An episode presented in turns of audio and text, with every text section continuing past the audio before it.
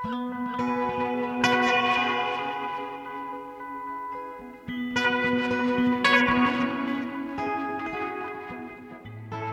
sæl, kæru lustendur, Halla Harðardóttir helsar ykkur úr hljóðstofu við sjár í dag, þriðdægin 30. ágúst.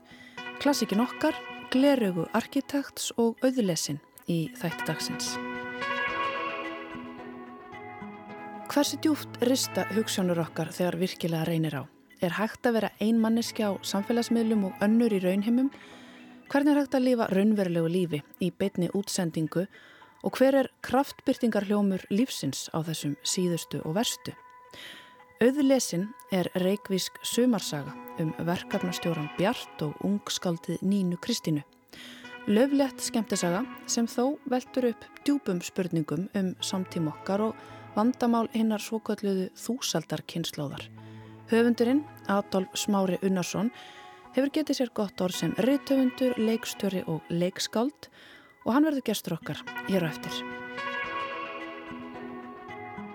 Og í dag fáum við til okkar nýjan pislahöfund, Óskar Arnórsson, arkitekt, doktorsnema í arkitektur við Columbia Háskóla og lektor í arkitektur fræðum við Listaháskóla Íslands.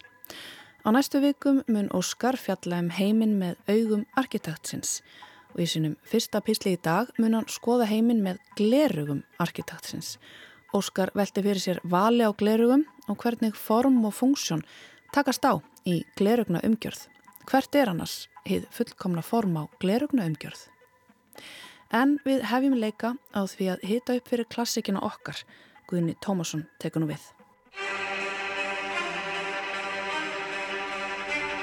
Það er klassikin okkar einleikara vissla í eh, sjónvarpinu og í beitni útsendingu úr hörpu á förstutaskvöld. Hún hefst svona.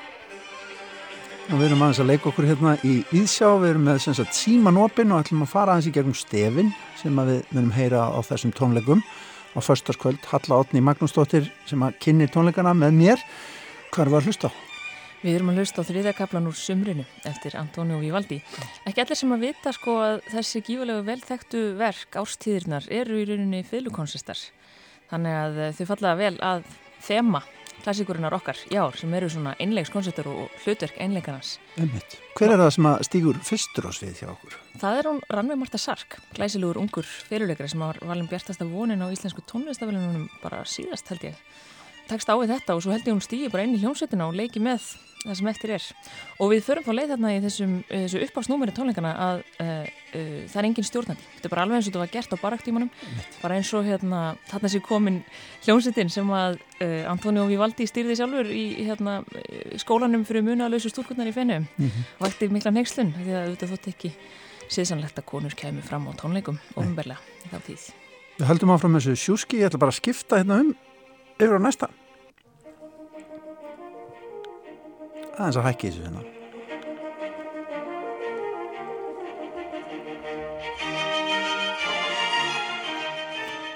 Hann er þinn maður Wolfgang Amadeus Mozart kominn. Já, þetta er svo sannlega minn maður. Uh, Hornkonsertin hans uh, Númer fjögur Þriðikabli, hann samti fjóra hornkonserta fyrir uh, sama mannin þannig svo gaman þegar maður fyrir að skoða uppruna þessara einlegskonserta sem eru þarna á efniskráni að Það er svo oft saga um vináttu og aðdán á bakvið konsertana því að tónsköldin heyra í einleikurum sem þeir hrífast af og vilja endilega semja fyrir.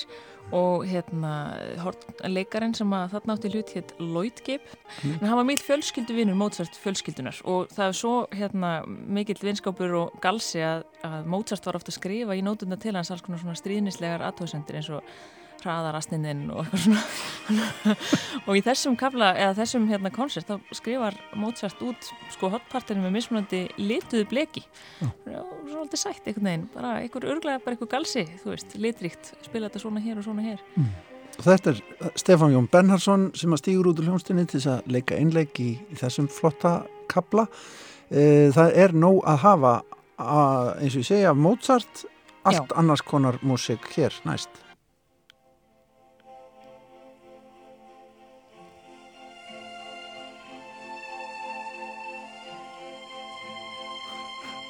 að þarna vantar vissulega hljóminn í hljómsutina vegna þess að ég er að spila þetta hérna á síman mínum, leika mér við það mm -hmm. og við skulum bara læka niður í þessu Já. kunum geymum bara þennan heila leika Akkurat, ég held að við þurfum aðeins að spara þetta. Við erum að spara hér- þetta, þetta er náttúrulega heimneskur konceptkabli uh, Píanóið er náttúrulega sko ef maður hugsa um pælum aðeins í þessu formi sko, einlegs koncert þegar að forte píanóið verður til svona meða átönduöldina þá náttúrulega er fyrst komið almennilegt hljóðfæri sem getur haft í fullu tré við heila Hljómsveit. hljómsveit. þá er náttúrulega komið bara einhvern veginn svona þar fara svolítið hjólin að snúast í þessu dæmöldu finnst mér. Og Mozart auðvitað réttum ári, réttum stað að byrja að þróa þetta form. Ekki síst þarna á árunum um, 1784-6 þegar hann er sjálfstætt starfandi í Vínaborg hann er ekki lengur í þjónustu einhvers freks aðalsmanns, heldur bara sinna eigin maður og stendur fyrir alveg ótrúlega merkilegri tónleikar röð í hann, hérna, þar sem hann selur áskriftir. Gerir allt sjálfur. gerir allt sjálfur sko, hann er að æfa hljómsveitin, hann er að prenta aðgöngum með hana, hann er bara, það þarf að flytja flílinn úr stofunni þeirra konstansu yfir í salin sem hann er búin að leia og hérna æfa hljómsveitin á spilaröðu þetta á píanóið og þarna gætt fólk komið og heyrt Mozart frumflytja nýja og nýja konserta. Um, og þeir bara nokkrir algjörlega stórkvæslegir sem verða þarna til. Bæði þessi svona Ekki vera að gráta. þessi persónulega veginn, það, þegar Mozart standi fyrir píanóið þá finnum maður veginn fyrir honum sjálfum. Hann, hann skrifar þetta fyrir sjálfan sig. Manni finnst eins og maður skiljan sem mannesku en svo er líka eitthvað svona stórkostleg óperatísk vít eins og þessi kapli, hann er náttúrulega bara eins og óperu arja og þetta eru árin eh, rétt á eftir þessum koncept koma þessi stórkostlegustu óperur Brúkum Fíkarús, Don Giovanni. Ah, það mætist alltaf í píanókoncertunum Þetta verður í betri hljómgæðum í hörpu Já, á og Edda. Erlendsdóttir hún Emmitt, spilar þennan koncert gaman að fá eddu Já, í það. já. En allt aðri tónar færum okkur inn á 20. stöldina, þetta er Dimitri Shostakovits.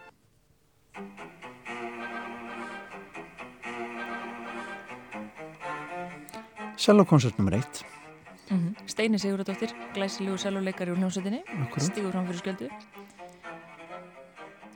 og verk sem að er auðvitað þrungið svona, já hvað að segja æfisögu tónskáldsins og, og, og náið eh, svona samofið hans sögu. Já, þarna er aftur komið sko, þarna er náttúrulega er Sjóstakovits eftir döða Stalins, það er svolítið önnu típa, það er svona alltaf aðeins svona... Hann er aðeins frjálsari. Já, aðeins frjálsara.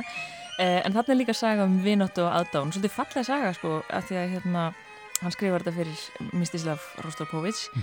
Sko, þeir spiluðu saman kammermúsík, spiluðu sellósónutana Sjóstakovits og Sjóstakovits á píanóið náttúrulega, frábær píanisti og Rostokovits á sellóið og hérna, það var mjög gagnkvæm og mikil hrifning. Uh, Rostovovits langaði svo að fá hann til þess að semja fyrir þessu koncert, til þess að auðga þarna koncertbókundina fyrir selói en uh, kunni ekki við að, vildi ekki spilla vináttunni með því að fara gerast eitthvað ágengur og fara að byggja um verk. Og hann ráðgæðist við eiginkonu tónskálsins Nínu og sagði hvað get ég gert, ég langar svo að byggja hann um að skrifa fyrir mig koncert hún sagði já, ég get gefið þér eitt ráð. Ekki minnast á þetta við hann einu orði. Aldrei, aldrei færa þetta í tal. Og hann hlíti því. Og það bara kom heim og saman að bara svolítið síðan þá bara kom fyrirvaralust koncert af því að auðvitað þá hafiði Sjóstakovits verið svo hrifin á honum líka. Hann vildi semja fyrir hann og mögnuð tónsmið sem var bara fór strax á flug. Við svindlum aðeins á yfirskriftinni, það er einleikara veistla hjá okkur en það leynist ein, eins söngvari innan við og syngum Mozart aftur. Mhm. Dísel Lárusdóttir Mhm. sem að hefur auðvitað vakið mikla aðtegli í tónlistilífinu undanfarið og bara er ný bakaður grammi velun að hafi. einmitt Mm. og röddinn náttúrulega er sko hið upphálega einlegs hljóðfæri sem við fæðumst öll með Og Dísela syngur Exultate Jubilate já, sem er koncertarja svona. Já, sko hún er orðin það uh, uppálega samin sem mótetta uh, eða það er að segja kirkjuleg tónsmíð. Uppálega samin fyrir uh, Karlkinn söngvara, Geldingur sem að Mozart hafði hrifist mjög af í hérna, eina af sínum æsku óperum. Hann var 17 ára þegar hann samdi þetta. Um, himnesk músík og, og hérna r- röddin. Þetta merkilega lögfæri fær að njóta sín.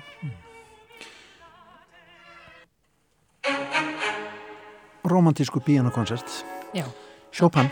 já, það er smá hérna romantísk negla þarna í lúkin þessum fyrir háleik verður náttúrulega að vera smá, smá svo leis e, og þarna stýgur fram glæsilegur ungur píjánuleikari Mikolai Ólafur Frag e, sem er hérna vestfinningur í húð og hár.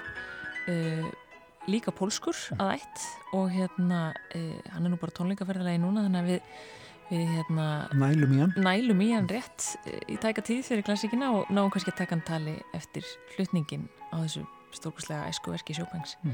Glæsileg tónlist eftir unga mann Já, akkurat.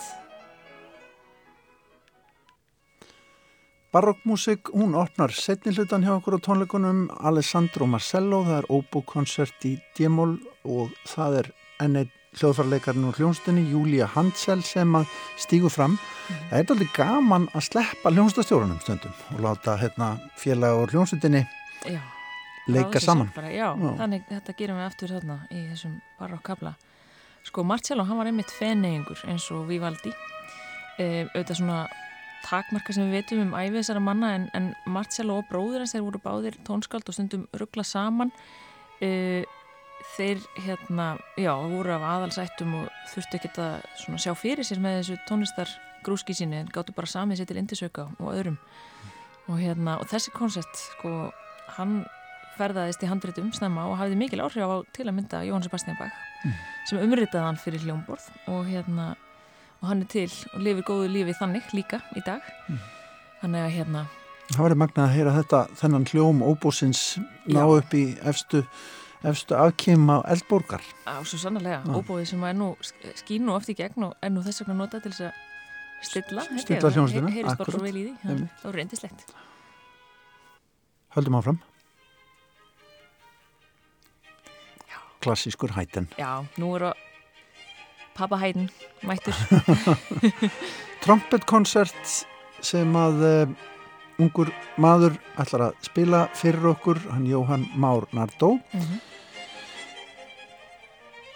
Auðvitað daldi hérna í innkomu trompetsins en, Já, já, en þetta er ekta klassík. Þetta er eftir þessi og hérna Jóhann Nardó, hann er náttúrulega sko talandum sko, í þessum, þessari músika er alltaf við á Íslandi erum alltaf að mæta útlöndum og það verður alltaf eitthvað skapandi og dásanlegt til. Hann er sonur hljómsveitirinnar eh, pappa hans er flautuleikari við hljómsveitina bróður hans er óbúleikari við hljómsveitina. Hann er eh, sjálfur búsettur í París. Um, og hérna Þetta mun klingja vel. þetta klingir alveg dásanlega alltaf. En hérna, þetta var samið þegar sko hæginn var orðin aldraður og frægur stóð og hátindi fræðið sinnar búin að þarna slá í gegn í London og komin aftur og Östuríkis og bara hefur það fínt. En hérna aldrei hætt hann að vera svona leitandi og frumlegur og skemmtilegur sko. Og þegar hann heyrir í trompetleikara sem er búin að endur bæta trompetin og setja á hann einhverja takka og reyna að gera hann svona fjölhaferi þá stekkur gamli til og semur hann alveg ódöðlega konsert Við höldum áfram með hann góða spilunarlista sem þið hjá Sinfoníljóst Íslands hafa, hafi tekið saman. Þinn maður hér, hér næstur, Já. Móris Ravel. mm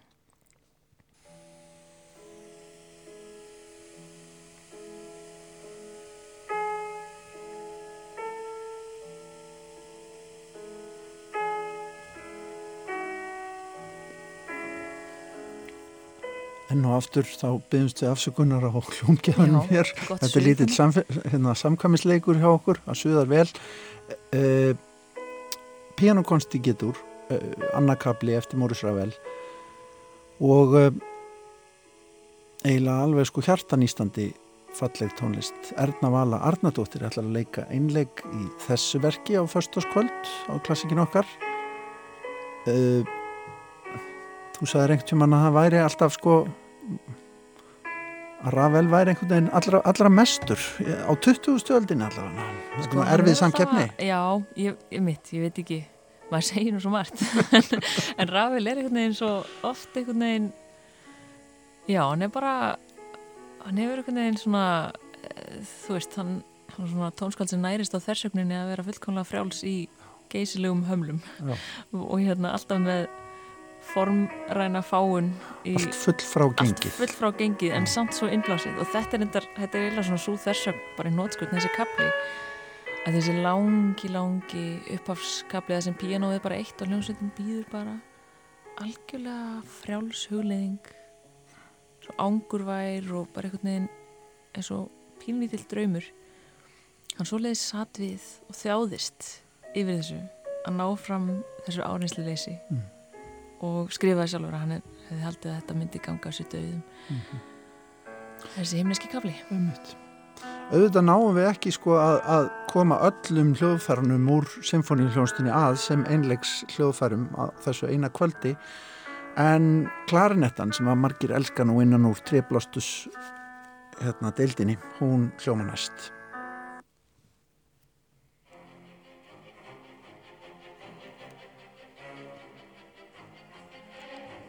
Þetta er tónlist frá landamærum klassíska tímans og eins romantíska. Já, svo sannlega, eins og maður hefur. Komið smá svona drama. Ekki drama. Karl-Maria von Weber. Já, átti síðan eftir að vera mikil frumkvöðul í Þísku óperunni. Akkurat. Alin upp í farandleikahúsi sjálfur, hann hafði svona næma taug fyrir hennu leikrana, greinlega og hérna það er Grímur Helgarsson klarnötuleikari og Symfóniunusið Íslands sem að spilar þennan fyrsta kabla á þessum, þessum skemmtilega klarnötukonsert líka æskuverk, ungum maður 24 ára held ég. Farin út í heima freista gæfunar og hérna eins og stáleppin að ná að rýfa bæjarlandskonung og láta panta af sér. Þetta voru bara verk. Mm -hmm. og annan til. Þannig heyrum við bara rétt blábyrjunna í parti einleikarnas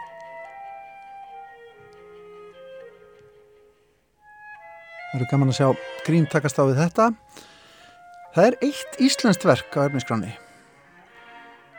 sem að hérna við eða þurftum að hafa eitt íslenskt að ekki. Jú, jú. og það er hljóðfæri sem að þar leikur einleg sem að hérna er nú bara sérst ekki svo oft í svona klassísku samhengi. Saxafóttin og Sigurður Lósarsson sá þekkti jazzmaður og auðvitað líka klassíski maður. Já hann er ymitt, maður begja heima og hérna og þá hann held ég svolítið svona innblásturinn að því hann, hann falaðist eftir þessu verki. Þorði að byggja um verk auðvitað við Rostropóvits sem að beð bara óvonaði eh, af veigari margisinni sem að hefur verið búsettur Vestanás í mörg ár og hérna unnið frækilega sigra á sviði kvikmyndatónlistars mm -hmm. um, en það er að kanna þessi landamæri jazz og klassikur og spuna, hlutverk spunas Æ, já, ég glemt að skipta, þetta er sem sagt vegar Einmitt. sem heyrðist þarna. Já, tölum bara... Þú varst að tala um spunan? Ég var að tala um spunan, já, já. Það er nefnilega sko, hefur náttúrulega alltaf verið alltaf spuna element í klassískum konsertum. Gert ráð fyrir að einleikarinn fá að láta ljósitt skína í katensunni, þar sem hann fær svona, svona, bara að láta gamin geisa meðan hljómsveitin heldur sér til lés. En klassíkinn nú samt ekki þekkt fyrir að vera neitt sko nándar næri nálagt jazzinum þegar það kemur að vægi spunast. Þannig að þannig talsverðu spuni í gangi. Og, og hérna Veigar gerir ráð fyrir því að einleikarinn fái að bara spinna þetta aldrei vel kringum raman og stef sem að fólk þekkir hætt að gráta hringan á og skemmtilegt sko vegna þess að Veigar er í Kaliforníu að þetta verður eitthvað svo mikið amerikana einhvern veginn Já, einmitt, einmitt, svona öðruvísi tök á þessum þjóðlega arfi. Íslenska þjóðlega svo, arfi. Já, þegar veginn mætir þessu. Mm. mjög skemmtilegt og verður mikið fjör Akkurat En þá skulum við heyra síðasta verkið á erfniskráni eða heyra já með þessum auðma síma mínum á þessum fína playlista ykkar eða spilunarlista hjá symfóníunni Fyðlukunst eftir Tchaikovsky og það er Ari Þór Viljánsson sem að kemur til landsins fyrirleikari sem að starfar í Ísrael, ekki satt? Já, til á Íf. Leiðari annar er fyrirlu fílarmóni og sveitarinn er í Ísrael þarna er virkilega sko, tekið á því, tekið á því. þetta er fylgu virtuositet þriðjakablin, lokakablin í þessum magnaða koncert sem að fylgu unnendur þekkja vel Já. og auðvitað þá heyrum við þetta allt saman mikið mikið betur og í alvöru gæðum Já, hérna, en ég vona að það hafi ekki fælt fólk frá að nota hérna það síman í þetta þetta er, svona... Já. Já. þetta er flott þetta var ekki ekki En sem sagt, klassikin okkar, hún er í eh, sjónvörpum allra landsmanna á förstaskvöld í beinni útsendingu úr hörpu. Það verður spennandi að fylgjast með og við tökum Já. vil á mót ykkur öllum heima Já. og þeim sem að leggja leðsinn í hörpu. Algjörlega, beint á eftir hérna, landsleik, eh, kranspennu landsliðsins. Eh, Svo kemur þetta einleikara landslið? Já, Já og það er nefnilega, sko, það er ekki alltaf alveg langt á milli. Þetta er náttúrulega, sko, þessi glíma einstaklingsins við við hérna þessi virtuósísku verk og svona einhvern veginn, það er einn einleikar á móti heilir ljónsveit, þetta er íþrótta afreg líka sko. Takk fyrir komina í Víðsjá Halla, við sjáumst öll á föstaskvöld. Já, Við sjáumst á föstudagskvöld þegar klassikinni okkar verður sjónvarpað til allra landsmanna. Takk fyrir þetta skemmtilega spjall Guðni og Halla Átni Magnúsdóttir. En þá förum við yfir í aðra sálma. Nú tekur til máls nýr pislahundur hjá okkur í Vísjá sem ætlar hálsmánaðarlega í vetur að fjalla um arkitektur. Óskar Arnórsson, arkitekt, doktorsnum í arkitektur við Columbia Háskóla og nýskipaður lektor í arkitektur fræðum við Listaháskóla Íslands ætlar að fjallum heiminn með augum arkitektsins og í sinum fyrsta pistli skoðar hann heiminn með glerugum arkitektsins. Glerugun hans Lukorpu sér. Undanfarin 15 ár hef ég gengið með kringlótt, svört, plastsmangar glerugu sem ég panta frá fyrirtæki sem hand smíðaðu í Los Angeles af öllum stöðum. Ég hef aldrei verið með á hreinu hvernig þetta form var fyrir valinu eða hvernig þetta bar að. Margir af frægustu mótenísku arkitektum 2000-aldarinnar gengu með svona gleru. Le Corbusier, Denise Scott Brown, I.M. Pei, Carlo Scarpa, Philip Johnson, Peter Cook. Með því að bera sjálfur þetta glerugnaform gæti ég sagt ég er arkitekt án þess að þurfa að segja það um leiðu ég gerir grín að sjálfu mér með hlægilega tilgerðarlegum glerugnastýl sem síndi að þrátt fyrir allt tæki ég mig ekki og valvalega. Um leið fullvisaði ég sjálfa mig um það að þetta veri eina glerugnaformið sem að meikaði sens. Eina formið sem fæli í raun ekki í sér neins konar ákvörðun um hvernig glerugun færu mér, en það væri þau nánast ekki hönnun, heldur andhönnun, tveir ringir tengdir með stryki, svo litið eins og glerugu í teiknumynd. Síðasta vetur var ég að sækja són minn út á fótboltavöll þegar vinur hans neldi bolta svo svakali í hausin á mér að glerugun möll brotnuðu eins og atriði í þessari sömu teiknumynd. Ég hugsaði sem svo að nú var ég orðin of gamal til að eldast við að kaupa glerugu frá Los Angeles.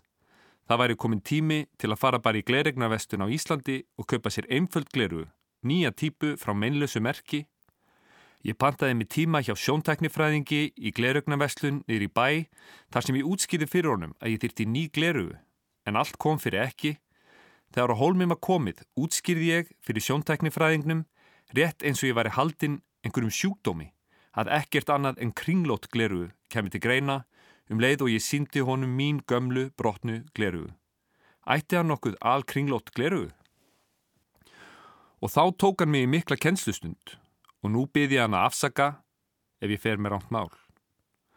Hann útskýrði að þar sem augun væru möndlulaga væru kringlót glerugu með dauða fleti fyrir ofan og neðan augun sem nýttust ekki og þyrtu þar að auki að ná ansi langt út fyrir augun til hliðana til að nýtast almennilega þar, sem aftur gerði að radíusar ringjana þyrtu að vera enn stærri sem kallaði á enn dýbri dauðafleti fyrir ofan og neðan augun. Þetta væri sem sagt einhvers konar dauðaspírall. Sem sagt, kringlót glerugu eru eftir allt, ófunksjónalískustu glerugu sem að hugsa sketur. Í hans augum gati allt eins gengi með kísuglerugu. Þess vegna glerugu formið eins og stjörnur eða hjörtu. Þar að auki ætti hann ekki alkringlót glerugu og þar stóð nýfurinn í kunni. Þar sem sjóntæknifræðingurinn hafði nú neðst til að viðukerna að hann ætti engin alkringlót glerugu, helt ég áfram að sækja. Ég fór fram á að hann sér smíðaði umgjörð frá merki hönnuðu af dönskum arkitekt Það þurfti að láta sníða kringlóttu glerin sérstaklega fyrir mig í Danmörku, arkitektinn sjálfan sem var með svona mikinn húmor fyrir sjálfum sér og tók sjálfan sig alls ekki svo alvarlega. Glerögna mission niður í bæ sem átt að enda í stráng heiðalegum glerögum sem enginn tekur eftir, hvað þá skrifar um heilan útvarfspistil, hafði snúist upp í andstæðu sína. Þetta hefði stigmagnast hratt. Nú leið og beigð á meðan sjóntæknifræðingurinn beigð eftir að setja saman pöntun mína og eftir að hafa ekki séð neitt í nokkra vikur komaði að ég pantaði mér alveg eins glerugu, svörtu plastumgjörðina með posti frá Los Angeles. En það hefði kona mín sagt að þessi svörtu kringlóttu glerugu væru bara ég og þau var orðin hluti af andliti mínu. Það var ekki fyrir enn í þar síðustu viku að verslunareigandin ringdi í mig og greindi frá því að sérsmíðu dönsku glerugun væri búin að býða í glerugnabúðinni í hálft ár og hvort ég hefði enn áhuga. Það hefði glemst að láta mig vita. Þau kosta 100.000 krónu til viðbótar og ég verða viðkjöna að mér langar í þau. Mér langar að bæta þeim í glerugnasafnið. Le Corbusier, Denise Scott Brown, I.M. Pei, Carlos Scarpa, Philip Johnson, Peter Cook, Óskar Örn Arnórsson. Allir þessir arkitektar, öll þessi lútandi höfuð, klifjuð plasti eða cellulósa, öll þessi auka grömm sem toga í brýrnar. Og til hvers? Ekki að því að þau eru svo funksjónal, heldur að því að þau eru eins og teikning af einhverju sem er funksjónal, en eru eins og allir sjóntækjafræðingar heims hefðu geta fullfissað þá um á fimm mínútum, jafn ófunksjónal og hugsa sketur. Hvers vegna kjósa arkitektar kringlót gleruðu? Vita þeir ekki hvað þeir eru mikil viðrinni? Eða er það einmitt þess vegna sem þeir, þessa lifandi teiknumyndapersonur, kjósa þau? Þessi spjátrungar samtímans, eins óþarfir og dauðu flétirnir fyrir ofan og neðan augun þeirra. Saði Óskar Arnórsson, nýr pislahöfundur hér í Vísjá, sem mun í vetur fjalla meira um arkitektur. Og þá snúum við okkur að nýri skaldsögu sem að kom út fyrir stuttu, auðlesin eftir Adolf Smára Unnarsson. Auðlesin er reikvísk sumarsaga um verkefnastjóran Bjart og ungskaldið Nínu Kristínu. Þetta er löflétt skemmtisaga sem að þó veldur upp djúbum spurningum um samtíma okkar og vandamál hinnar svokölluðu þúsaldarkynnslóðar. Adolf Smári hefur getið sér gott orð sem rítöfundur, leikstjóri og leikskald. Óperan Ekkert er sorglegar en manneskjan fekk góða dóma og grímutilnefningar og hann frumsýnir í haust nýtt verk á fjölum þjóðleikúsins. Öðlesin er hans önnur skaldsaga og við skulum heyra smá brott úr verkinu. Fymti kapli. Morgunstund. Bjart hafði verið að dreyma. Ólíkt flestum endur spekluðu drömfæri Bjarts ekki hans eigin tilfinningar, eins og stressaða dreymir jafnan köngulær. Heldur átti Bjartur lítið myndasapn sem spilaðist sí endur tekið. Flestir draumarnir hafðu svipaðan söguþráð. Eða ekki beint söguþráð heldur andrumsloft. Í draumheimum var Bjartur hetja. Síðustu nótt var hann til dæmis læknir án landamæra djúft í yðrum Afríku. Hann hafi verið að sinna þessum helstu verkefnum, að mæla hita hjá ungbörnum, skipta um sárabindi og sóttreins að skurði. Í draumalandinu ríkti borgarastyrjöld og výlinan var skamt undan. Einstaka sinnum heyrðist öskur eða bissukvellur. Bjartur horfi hjálparvana og örvæntingar fullur á heilsu litla sjúklingana. Þetta var svo ósangjant. Ef þeir hefðu fæðist á Íslandi væru þeir líklega ekki einu sinna á spítala. Vandamálið var ekki bissukúlur, heldur skortur. Á meðan Bjartur var að sjóða drikjarvatn barst skindilega neyðarkall frá frönskum kollega. Blóðþyrstir vígamenn höfðu gert áhlaup á nærleikjandi þorp. Þeir kerði í flíti á kvítum jeppa á illaförnum moldarvegum og komu loks í fátaklegt þorp sem var tómar brunarústir. Læknarnir hófu leit að fórnalömpum og eftir skammastund fann Bjartur lítinn meðvindindarlausan dreng í rústum eins húsins. Á hann vantaði fremri part af hægri handlegg. Hann hafi verið hokkin af með sveðju. Bjartur veitti skyndihjálp, blés í munn hans og hnoðaði lítið hjartað en ekkert virkaði. Hann var of seitt. Bjartur lág aðeins lengur í rúminu. Draumurinn ekkert nema draumur, örugt lífið örugt. Hann náði áttum og geispaði letilega. Síð sumarið gæðist inn um gluggan. Ekki skínóður á himni og aðeins öllítill amrandi. Bjartur fór fram í eldús, heldi sér upp á kaffibotla og gaf kettinum massopa. Hann var ánaður. Líf hans var alveg eins og það átt að vera. Síðustu helgi það hann bjargað lífi hunangsflugu, hjálpað hælisleitanda og haldið frábæra garðveislu með vinum sínum og vikuna áður hafði hann opnað svínastíu í botni Elleádals til þess að minka matarsón í Reykjavíkuborg. Bjartur hugsaði til þess þegar borgastjórin stilti sér upp í myndatöku með einu af svínunum sem var að háma í sig gamlan brauðleif og nokkra leina tómata. Um leið og smelt af, leit svínið upp og virtist brosa. Myndin hafði síðan ratað á forsiðu helgablaðsins á samt stóri vittal við borgastjóran um framtíðarstefnu Reykjavíkur varandi græn málefni. Eftir myndatökuna hafði borgastjórin gengið til Bjarts og rósað honum fyrir metnaðafull starf. Þú er dugnað maður, hafði hann sagt meðan hann kristi hönd Bjarts. Það er sannur heiður að hafa slíka menni vinnu. Hann glott út í annað, smurði ristaði beiglu með hummus og skar nokkrar gúrkust neyður á skjannakvítu eldúsborðinu. Ef eitthvað einnkynnti íbúð hans á melhaganum var það hvað hún var kvít. Sófinn, stofuborðið, stólarnir, púðarnir, teppin, veggirnir, diskarnir, handklæðin, sturtuhengið, örbylgi, opnin, lamparnir, lampaskermatnir. Allt var kvít. Hann settist með morgunmattin við stofuborðið, opnaði tölvuna og kíkti á samfélagsmiðlana. Bjartur lækaði vel meintar fæslur frá vinum sínum á meðan hann strauk kísa niður eftir bakinu. Einn greinin fjallaði um slæman aðbúnað flóttafólks í Greiklandi og önnur útlistaði nákamlega hvað gerist þegar hitastig jarðar hækkar um tværgráður. Pétur, besti vinur hans, hafði sett druslugöngu borðan yfir mynd af sér. Þannig að undir sakleisisleiri mynd af honum í esjugöngu fyrrum sumarið stóð nú Ég er drusla. Bjartur hjartaði myndina og skrifaði aðtöðsend. Bandamaður. Þá sá hann tilkynninguna. Hulda átti afmali. Hún var þrítug. Bjartur velti því fyrir sér hvort hann ætti að skrifa hverði á vekkennar eða jafnvel ringja en fannst það ekki við hæfi. Þægilegt. Velkomin í Vísjá, Adolf Smári. Takk. Og takk fyrir þennan lestur. Já, þakka þér.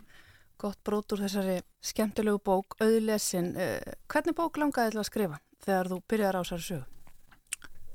Mér langaði kannski að skrifa aðeins, um, þetta er önnskaldsaði mín og mér langaði kannski að skrifa aðeins, um, um, aðeins ekki beint pólitískari en svona sögu sem væri að tjásum samfélagi á stæri hátt en fyrir skaldsaði mín.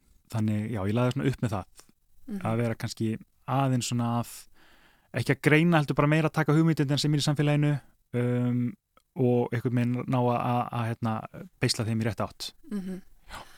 Segðu mig frá þessum aðalpersonum við fengum hérna að skiknast aðeinsinn líf Bjarts og svo er það hún Nína Kristín. Og svona fjallar um þessar tvær manneskjur. Segðu okkur aðeins frá þeim.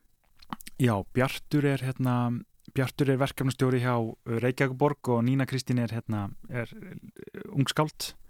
Um, og sko mér finnst svona kannski meira bók, jú þetta er náttúrulega þetta er aðalpersonar en, en kannski það sem skiptir mestu máli við þessar personur er að ég er að hérna, er að takk sita þessar tvær personur bara í einhvern veginn svona um, einhver svona aðstæður einhverjum dramatíska kringustæður í, í samfélaginu okkar sem við gætum öll þurft að díla við og erum í raun að díla við hvert einn skiptis við erum hérna gangandi og lifandi og andandi í dag mm -hmm. og bara láta þær velta fyrir sér hva, hvaða ákverðum þær myndu taka í þessum mm -hmm. í þessum aðstæðum og, og ánast að segja of mikið þá er þetta sko hérna, eru, veist, eru við það sem við segjumst vera. Mm -hmm.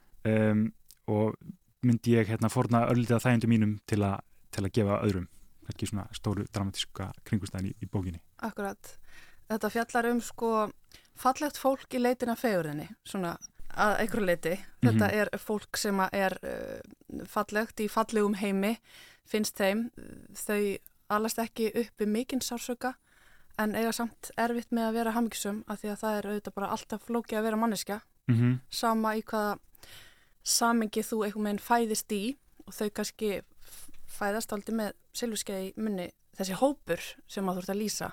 Já, það er hérna, það er bara hárétt mm, hérna og jú, þessar personur eru eru hérna, með ákveðin forréttindi og minna við, við sem þjóðfélag erum alltaf með þjóð, uh, forréttindi og ekki bara eitthvað Ísland, heldur bara við sem partur að stærra mm -hmm. hvort það sé Skandinavi eða Evrópa eða hérna, hvað sem er mm -hmm. og, og mér finnst þess að personur kannski vera eitthvað minn, uh, þú veist, ég er að reyna að kjarna kannski aðeins hérna, uh, stærri sögu, þú veist, mm -hmm. einhver skonar, ég ætla ekki að nota orðið nignun, en það er einhver, það er einhver dekitans í þessum personum mhm. og ég er að hérna, reyna að fanga það mhm. Já Já, mér var bara að hugsa bara til sko efristjættarinnar Breitlandi á 17. öldu eða eitthvað. Já, já, svona nánast. Um, sko... Svona forrættindakrakkar í leitafegurðinni en samt þurfa að upplefa sársöka já. og leita kannski eitthvað út fyrir sitt mengi til að finna þennan sársöka. Já, bara spot on. En þessi, þessi kynsla, við tölum aðeins um hana, þess að þúsalda kynsla, ég meina þú ert luta af henni. Já. Kanski má segja að þúsalda kynslaðin sé eitthvað svona þæginda kynslað. Um, ég veit það ekki. Já, minna, allir það ekki. Minna, ég, vá, ég er samt svo liðlega að genja svona kynslaðu, sko. Ég veit aldrei hvenar minnst ég verið partur af mörgum kynslaðum. Ok. Ég veldi í stundu fyrir mér og ég fór að velta þið fyrir mér þegar ég var að lesa þessa bók og út af þetta eru þetta bara samfélagsgreiningjáðar og greininga á þessari kynslu sem að þú reyndar held í hluta, ég veit það ekki en það er alltaf afstætt kannski eins og þú segir um, sko mér stundum eins og þessi kynslu hafa fengið að dvelja þetta aldrei svona lengi í unglingnum. Það er alltaf verið að vera manneskja en það er kannski ekstra erfitt að vera unglingur og þá er oft talað um það að við fáum að vera lengur unglingar í dag. Mér finnst þessi, þetta fólk er alltaf þrítúsaldri en það er aldrei eins og að sé ennþá unglingar. Mm -hmm. Sko, já, mér finnst ég eins og sé að ég þurfa að svara fyrir kynslaunum mína. Mér finnst ég hérna, mér finnst ég vera hérna... Svara, já, kannski bara fyrir þetta fólk sem við erum að lesum. Já, ymmit. Jú, menna þau eru sko,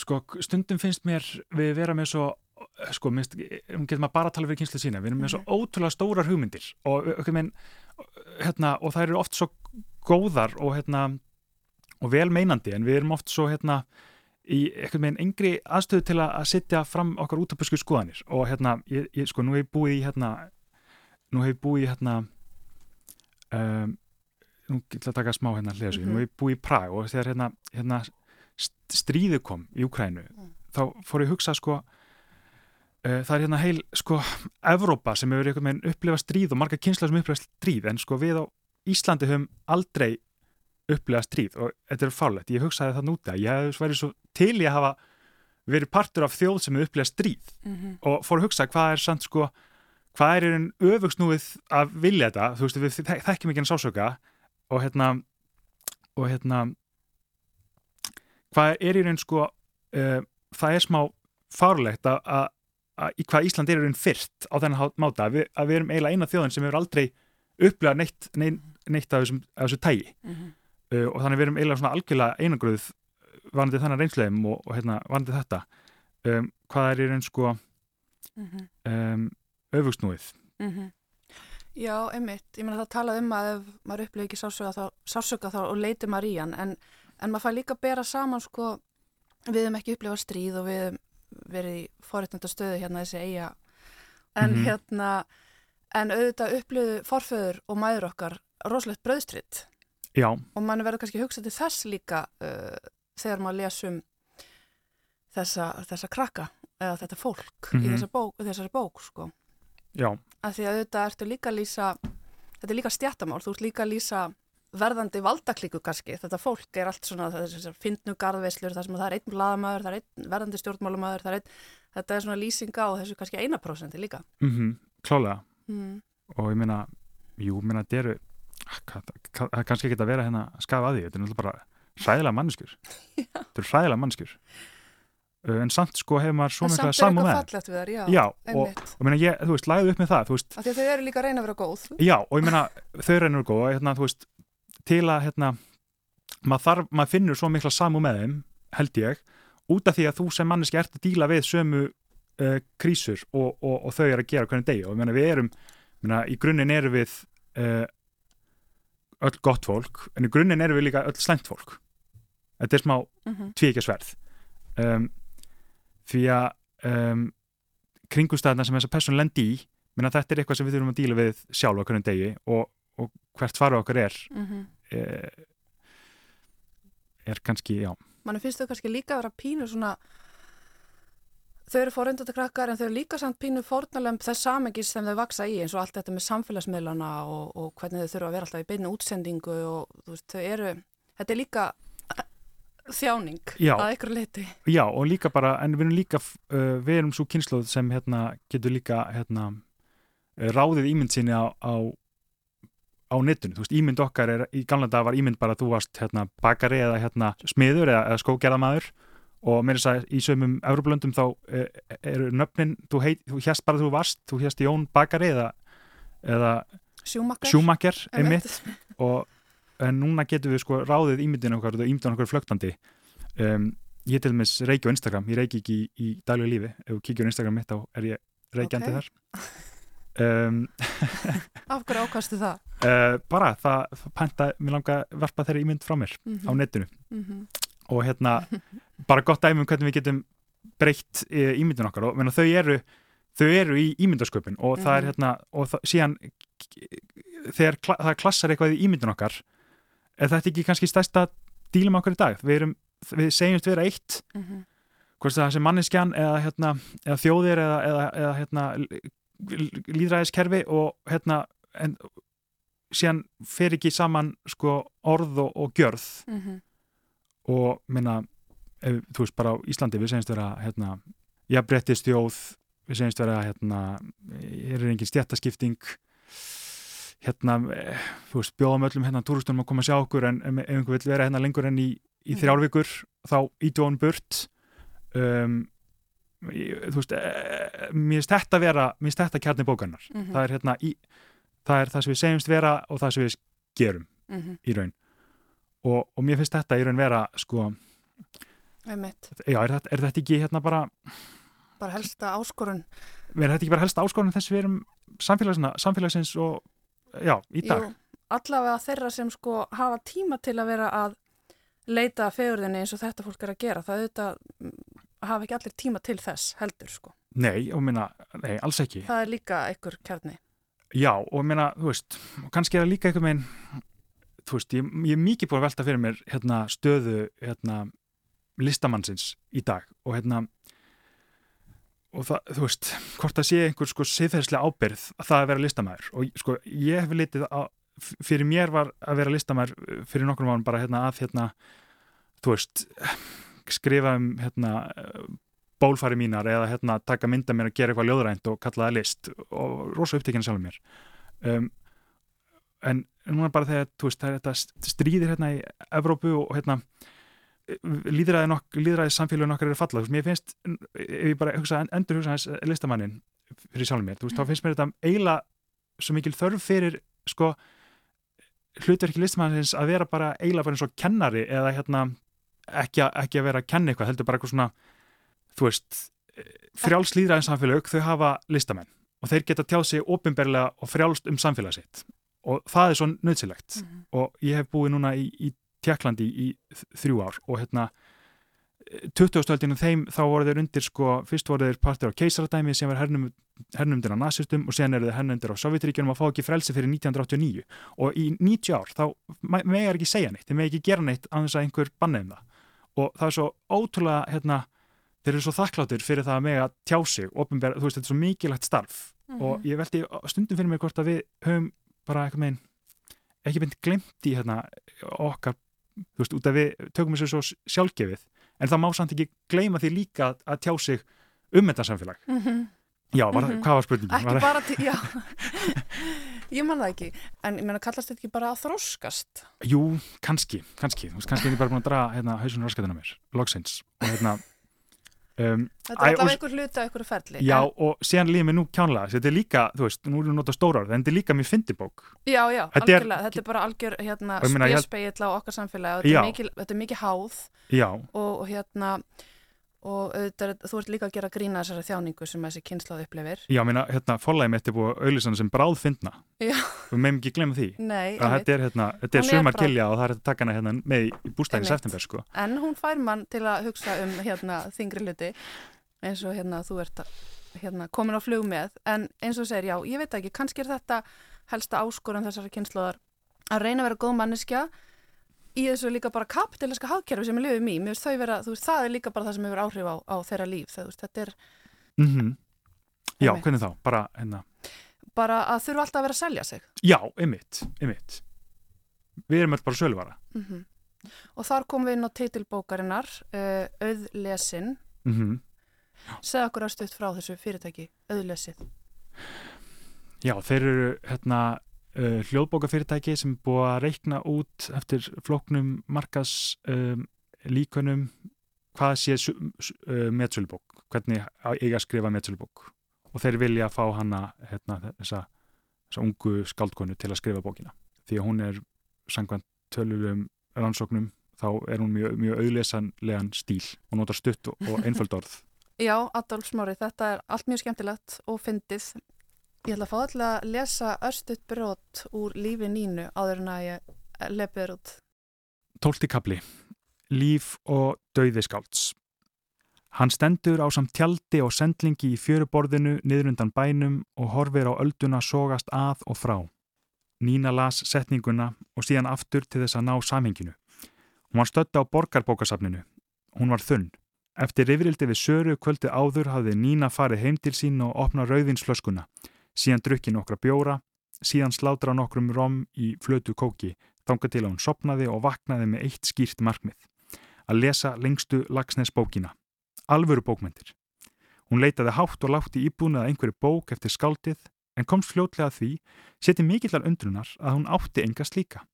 Hún klætti sig í þingufötin, mjúk og víð og órein, pindi sig út úr húsi og dróð þreytta fæturna eftir gangstéttin í átta bókabúð til þess að fjárfista í eintæki. Við komin að þanga var henni hins vegar tjáð af rosknum bóksala að því miður ætti hann engungu verk eftir þjóðskaldið á erlendri tungu. Hann væri geimtur í kössum á lager þanga til að næsti árgangur mentaskóla krakka þyrti að streika hann út af bókalistunum sínum. Annars væri svo lítið um sölu að það borgaði sig ekki að hafa hann fram í hillu. Ansans. Ef hún ætlaði nú að annar borða að lesa þjóðskaldið þyrti hún að gera slíkt á móðurmálunu. Annars væri hún algjörlega reka síðasta naglan í líkistu tungumálsins. Endimisflækja. Hún fór út og settist niður á bekk nálagt bókabúðinni. Hún nuttaði höfuðið. Æ og ó. Þegar Nína var þunn var þinga hennar allt um líkjandi. Hún yfirtók tilvöruna. Allt varð ómögulegt. Líf hennar svo flókið og torvelt að hugurinn var að takmarka sig við færri og einfaldari stærðir svo að lífið gæti gengið sinn vana gang. Einn fótur fram, annar fótur fram. Anda, borða, drekka. Að því leitinu til myndi þinga hennar á tilveru ástfóngina ungmenna. Veröld þeirra verður bara einn alltumleikjandi tilfinning sem engin skilur nýja getur komið í orð. Þannig er hinn reyna ást. Svo margslungin og óskiljanlega eina ráð heilans til að vinna úr henni er að smætta hana niður í það smæsta. Sömulegis er það svipað hvernig heilin meðhundlar ástarsorg, eina fyrirbærið sem hann skilur jafn ítla á ástina. En í stað þess að smætta hana niður í eina stóra tilfinningu þá sker hann sorgina niður og útdeilir á allar aðra tilfinningar. Þar á leiðandi finnum við örlitin vott af ástarsorgi í hverjum hlátri, hverju svengt, grettu, eimt, reyði og ást um ókomna tíð. Ástin er því eðli sínu stór og einföld en ástarsorg smá og óendanleg. En þetta er auðvitað bara óþarfa útúrdúr og sjálfsögðu allt og flókin hugsun fyrir þund skált. Hún stóð upp að bekknum og rúlaði niður lögaveg og bankastræti og austustræti eins og dekk án bíls og gekk að lokum inn á borgarbókasafnið. Lofti var þungt, mettað miljón blaðsíðum, miljón hugsunum en ekki sála sjáunleg. Fyrir utan eina unga konu bak við tölviskjá. Nína gekk til hennar snöggum skrefum og sleppti formlegri kveðju, umlaði bara óskýrt nafn Nobelskáldsins. Asakið? Lagsnes. Nínu fannst heilin vera skraufþur svampur sem einhver var að krista, augu hennar voru glær líkt og þau varu nývöknuð eða gerður gleri og náðu engum skýrum fókus. Ert að leita bók eftir Haldur Lagsnes? spurði unga konan í ákveðslunni. Já. Hann er á næstu hæð. Þú gengur bara upp stegan og Nína leiði henn ekki að klára og strunsaði burt. Hún nuttaði burt stýrurnar svo augun eru tilbúin að meðtaka alvöru menningu, alvöru literatúr. Hún stansaði á há og fann að lokum skáldfjandan og allt hans höfundaverk. Fylgir doðrandar, hugsaði Nína. Hérna var skáld sem hafi helga sér skáldskapa listinni. Hér var skáld sem hafi ekki fornað sálsina og alltaf í síndarmennskunar, ekki hugsa neitt um Facebook eða Twitter eða Instagram. Í þessum bókum var hugsun án málamiðlana sem Nína ættaði að eigða öllum deginum, nei helginni, nei vikunni, nei restin af æfisinni að njóta. Fylltu vitund mín að lagsnes, loksins eftir öll þessi ár fylltana, fylltu mig frá toppi til táar af sannleikanum, fegurðinni og gaggríni hugsun, taktu mig, smjúðu inn í mig spjátrung skaldið þitt. Hún rendi fingrunum eftir tillunum. Sjálfstætt fólk salka valka barnátturnar og rambaði loks á þykustu bókina. Heimsljós. Nína dró hann út úr hillunni. Hún var þung, hún fann það. Hún tók í. Aðeins meistarverk taka í. Nína las aftan á kápuna. Heimsljós fjallar um æfi Ólafs Kárássonar, alþjóðskálds. Baróttu hans við raunveruleikan og hvernig hann samræmir hans skáldsínsinni. Fullkomið hugsaði Nína og fletti fram hjá lungum formála eftir eitthvað fræðimenn og las strax fyrstu línuna og síðan aftur og síðan aftur bara til þess að ná samhenginu. Hann stendur á samt tjaldi og sendlingi í fjöruborðinu niðrundan bænum og horfir á ölduna sógast að og frá. Sími hennar titraði í úrpuvassanum. Hún lokaði bókinu og settist í rauðan sófa sem ringaði sig utanum súlu. Á skjánu var tilkynning. Sara hafi rétt í þessu deilt mynd af sér á Instagram. Nína opnaði forritið og fann fæsluna. Ljósmyndin var frá sömrunu sem leið. Sara stóð í forgrunni með vinahopnum sínum. Hún var brósandi, hún var sæl, hún var falleg. Mikið var hún falleg. Fyrir aftan hana var appisinu gulu viti, blár heimin og grænt gras. Gott að minnast góðra daga, hafði Sara skrifað undir myndina. Hvert einasta sumar fór hún með vinahopnum sínum út á land. Þar döldu þau nokkra daga og gistu í gömlum vita. Sankant söru var vitin algjörlega aftengtur um heiminum Engin internettenging, ekkert símasamband, ekkert sjóvarp, en samt sem áður gáttu þau deilt myndum af sér daglega á meðan dölinni stóð. Þarna lásuðu ljóð, spiluðu á gítar, elduðu kássur og dáðust að kraftbyrtinga hljómnum, allt í betni útsendingu. Þar Sara höfðu bara verið að deyta í nokkra vikur þegar hún hafi farið í þessa árlegu reysu. Nína hafi brunnið af öfund. Það var svo heimurinn sjálfur færi með þeim er þau yfirgáðu bæin. Fegurinn, það var eina sem þau rættu. Þranna eftir henni, skortin á henni og löngunna til að lifa í ríkidæmi hennar. Þessar ferðir þeirra voru veröld handan tíma og rúms, endalust og áhyggjulegst æsku sumar. Nína rýndi nánar í myndina. Þau rött klætt lópapeisum, ljósað og hvít. Einhver held á ljóðabók. Einhver var að mála náttúrumálverk á hvítan strega, fjöll og jökla. Sakleysi var slíkt að það var nánast eins og barn hefði mála verki með fingrónum. Nína skrollaði niður vekkin hennar söru og fann myndirnar frá síðasta sumri. Þarna stóðu þau, vinahópurinn, eins og fígurur í landslægi að sviðsita fegurðina sem bjó innra með þeim. Tekstir, myndir, myndskeið, allt fór þetta saman. Stundum voru tillar myndana á þýsku. Það gaf öllu einhverja vikt, einhverja gífurlega vikt. Mjög venjuleg mynd af söru standandi nálat hvít drituðu fugglabjarki var nánast eins og tær sannleikur. Ekkert annað var satt í heiminum en þessi mynd og svo sem stóð þarna í ramanum. Ich in der